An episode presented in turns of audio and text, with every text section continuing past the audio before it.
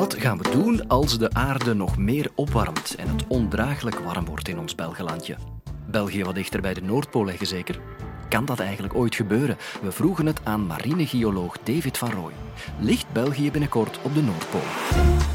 Dit is de Universiteit van Vlaanderen.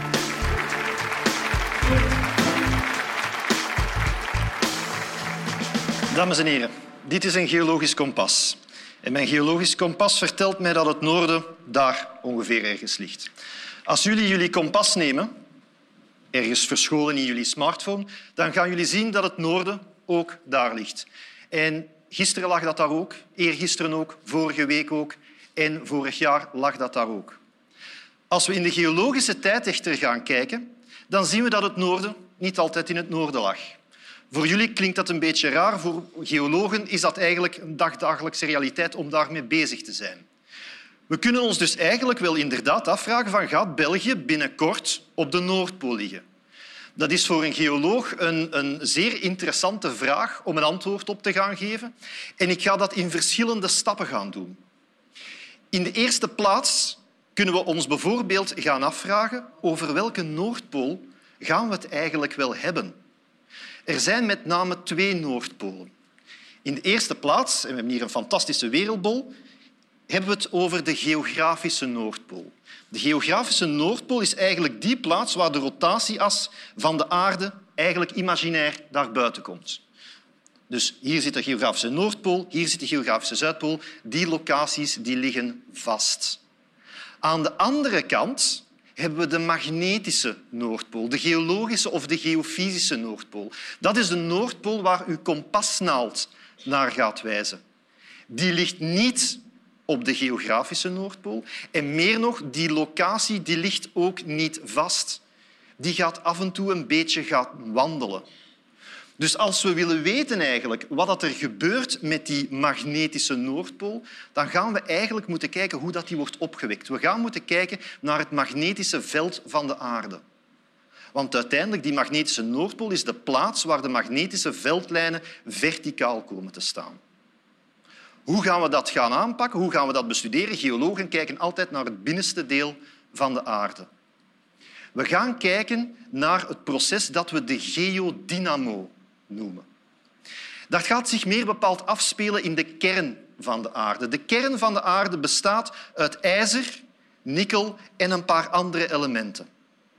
En de kern van de aarde bestaat eigenlijk uit een vaste binnenkern en een vloeibare buitenkern. Hoe werkt die geodynamo? In twee stappen ga ik dat uitleggen. In de eerste plaats in de kern van de aarde wordt alle warmte gegenereerd die alle grote geologische processen op aarde gaan aandrijven.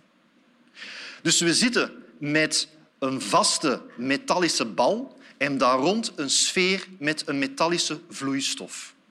Wat gebeurt er als je warmte toevoegt aan vloeistof? Dan gaat dat gaan bewegen, net als een pot water die u op het vuur zet. Dat noemen we convectie. Dus we hebben in de eerste plaats convectie van die ijzersmelt, die ijzervloeistof in de buitenkern. In de tweede plaats, onze aarde draait uiteraard rond. Dus die vloeibare buitenkern waar al convectie in zit, die gaat ook nog eens worden rondgedraaid. Met andere woorden, dat werkt zoals een dynamo en zo creëren we ons aardmagnetisch veld. Nu, dat aardmagnetisch veld wordt dus opgewekt door middel van de rotatie van de aarde. En daarom is het eigenlijk ook niet echt een grote verrassing dat de magnetische Noordpool vrij dicht bij de geografische Noordpool gaat zitten.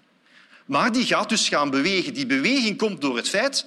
Kijk maar terug naar uw pot water die op het vuur staat. Het is heel moeilijk om die beweging van dat kokend en convecterend water om dat te gaan voorspellen. Dat is net hetzelfde met die convectie in de buitenkern van onze aarde. Trouwens, de magnetische Zuidpool is ook niet echt de tegenpool van de magnetische Noordpool. Die kan op een volledig andere plaats gaan liggen. Waar ligt die trouwens? Wel, in het begin van de metingen weten we ongeveer dat de magnetische Noordpool ergens boven Canada lag. Sindsdien is dat geleidelijk, 55 kilometer per jaar, naar een noord-noordwestelijke richting aan het migreren. Dat is jammer genoeg geen interessant antwoord op onze vraag, want zo gaat die nooit naar België komen. Aan de andere kant is dat wel van enorm belang voor alle navigatie voor kompas. Denk maar aan scheepvaart en het vliegverkeer. Want uiteraard, als het noorden zich elk jaar gaat gaan verplaatsen, dan komen we, als die kaarten niet worden bijgesteld, op een bepaald moment op het verkeerde noorden uit. Dus dat gaat ons niet verhelpen. Aan de andere kant, wat we ook weten door een studie van de geologische tijd, dan weten we ook dat de aarde regelmatig te maken krijgt met wat we een ompoling noemen. Dat is het proces waar dat het magnetische noorden in het geografische zuiden komt te liggen en het magnetische zuiden in het geografische noorden komt te liggen. Ik zeg het misschien heel eenvoudig met mijn handen en ik denk onmiddellijk ah, maar dat is de manier waarop dat de magnetische Noordpool over België gaat komen. Het is uiteraard iets complexer dan dat. Als we gaan kijken naar die magnetische veldlijnen die bij het huidige veld zeer sterk opgelijnd zijn, met een sterke Noordpool en een sterke Zuidpool, tijdens een ompolingsfase die een duizendtal jaar duurt, dan gaat dat veld gaan verzwakken. Dat gaat complexer, dat gaat chaotischer worden. Met andere woorden, mocht dat nu gebeuren, ons kompas zou volledig zot draaien, want er zijn overal kleine Noord- en Zuidpooltjes rondom ons. Dat gaat ons dus niet ver gaan brengen. Gaat dat binnenkort gebeuren? Wel, we, zitten, of we bevinden ons nu al 780.000 jaar in het stabiele Bruneskron, waar de magnetische Noordpool op de geografische, of bij de geografische Noordpool gaat liggen. Ik heb al verschillende keren een snelheid aangeduid en ik heb het over verschillende geologische tijden gehad. En het is toch misschien wel belangrijk om die geologische processen en de snelheid daarvan te gaan duiden. Want voor jullie duizend jaar is ellendig lang. Voor mij is dat enorm snel. Wat ik daarom ga doen, is de ouderdom van de aarde, 4,6 miljard jaar. Voor mij is dat ook heel lang geleden. Om dat te gaan samenvatten in één kalenderjaar. Met andere woorden, de aarde ontstaat op 1 januari.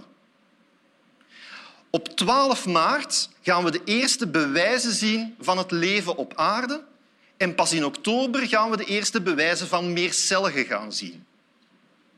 Op 1 december verschijnen de eerste landdieren en 25 dagen later, kerstmis, verschijnt er een grote meteoriet die zorgt voor het uitsterven van de dinosauriërs.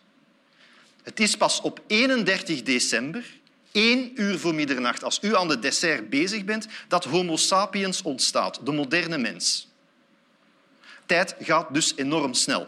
In dit ganse verhaal is één dag hetzelfde als 12,5 miljoen jaar. Hoe gaat dat ons nu ons verhaal gaan helpen? Wel, in ieder geval, de magnetische Noordpool die gaat niet naar ons komen. Maar misschien gaan wij wel naar die magnetische Noordpool gaan. In dat verhaal hebben we de platentectoniek nodig. Als we weer kijken in de geologische geschiedenis, zo'n 200 à 300 miljoen jaar geleden, of 15 dagen geleden, dan lagen alle continenten allemaal tezamen op één plek. En dat noemen we Pangea. Sindsdien is dat allemaal heel langzamerhand uit elkaar gedreven. Tot de locatie die we nu kennen, hier prachtig gedemonstreerd op die aardbol. Hoe werkt die platentectoniek? Wel, we moeten terug naar het binnenste van de aarde gaan kijken. We gaan naar het middendeel en het bovendeel van die aarde gaan kijken. Dat bestaat uit vast materiaal. Dat zijn gesteenten, mantel- en korstgesteenten. Maar die mantelgesteenten die worden verwarmd door de warmte die uit de kern wordt uitgestraald. Wat gebeurt er met een vaste stof die verwarmd wordt? Die gaat gaan bewegen. Denk maar eens aan asfalt bij zeer warm weer dat ook gaat bewegen. Dat wordt geen vloeistof, dat is niet vloeibaar, maar dat gaat ontzettend traag bewegen. Dat is de mantel. Wat is de korst? De korst kan je vergelijken met een velletje van een erg vette afgekoelde bouillon. Je zet die bouillon terug op het vuur je gaat convectie aandrijven en die bouillon, dat velletje, dat gaat gaan drijven of dat gaat zelfs uiteengaan. Als we het dus hebben over platentectoniek, dan gaan we het hebben over lithosfeerplaten, zijnde de korst en een stukje koude mantel die zich gedraagt als een rigide, breekbare plaat en die gaat drijven op de astenosfeer. Dat zijn die mantelgesteenten die heel langzamerhand gaan bewegen. Hoe brengt ons dat naar het noorden? Wel, als we nu gaan kijken naar ons huidige Eurasiatische continent, dat beweegt aan 2 centimeter per jaar naar het noorden. Dat is de snelheid waarmee onze vingernagels gaan groeien. De afstand van hier tot aan de Noordpool is 4369 kilometer. Reken dat even snel uit, kom je op 218 miljoen jaar. Dat is dus nog niet voor morgen. Maar geologie en platentectoniek is niet zo eenvoudig als een eenvoudig rekensommetje. De factoren die de platentectonische bewegingen gaan invloeden, daar zijn er heel veel. Dus bepaalde collega's hebben enorm wat modellen gemaakt en die modellen gaan met al die factoren rekening houden en komen eigenlijk tot een, een, een heel interessant beeld. Dat beeld schetst, en dat weten we al een tijdje, dat het Afrikaanse continent al een tijdje op een ramkoers naar het Eurasiatische continent toe aan het gaan is. Met andere woorden, binnen 50 miljoen jaar gaat de Middellandse Zee verdwijnen en gaat dat één grote gebergteketen worden zoals de Himalaya. Tegen een 150 miljoen jaar gaan ons continent, gaat België, als dat nog bestaat tegen dan, dan gaat dat opgenomen worden in die noordelijke flank van die gebergteketen en gaat langzamerhand naar de Noordpool worden toegedreven. Tegen een 250 miljoen jaar zo ongeveer 20 januari, gaan al die continenten tezamen gaan komen in een Pangea Ultima. Dus ligt België binnenkort op de Noordpool? Het zou best wel eens een keer kunnen.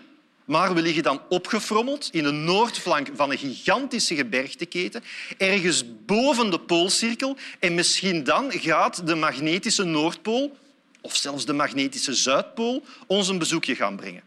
Maar tot dan, sit back, relax en nog heel even geduld, alstublieft. Nog 250 miljoen jaar wachten? Hm, misschien is het toch handiger om zelf even naar de Noordpool te gaan. Of we ons in België nog kunnen verwachten aan veel koude, dat vertelde Wim Thierry al in zijn college. Zeker het beluisteren waard.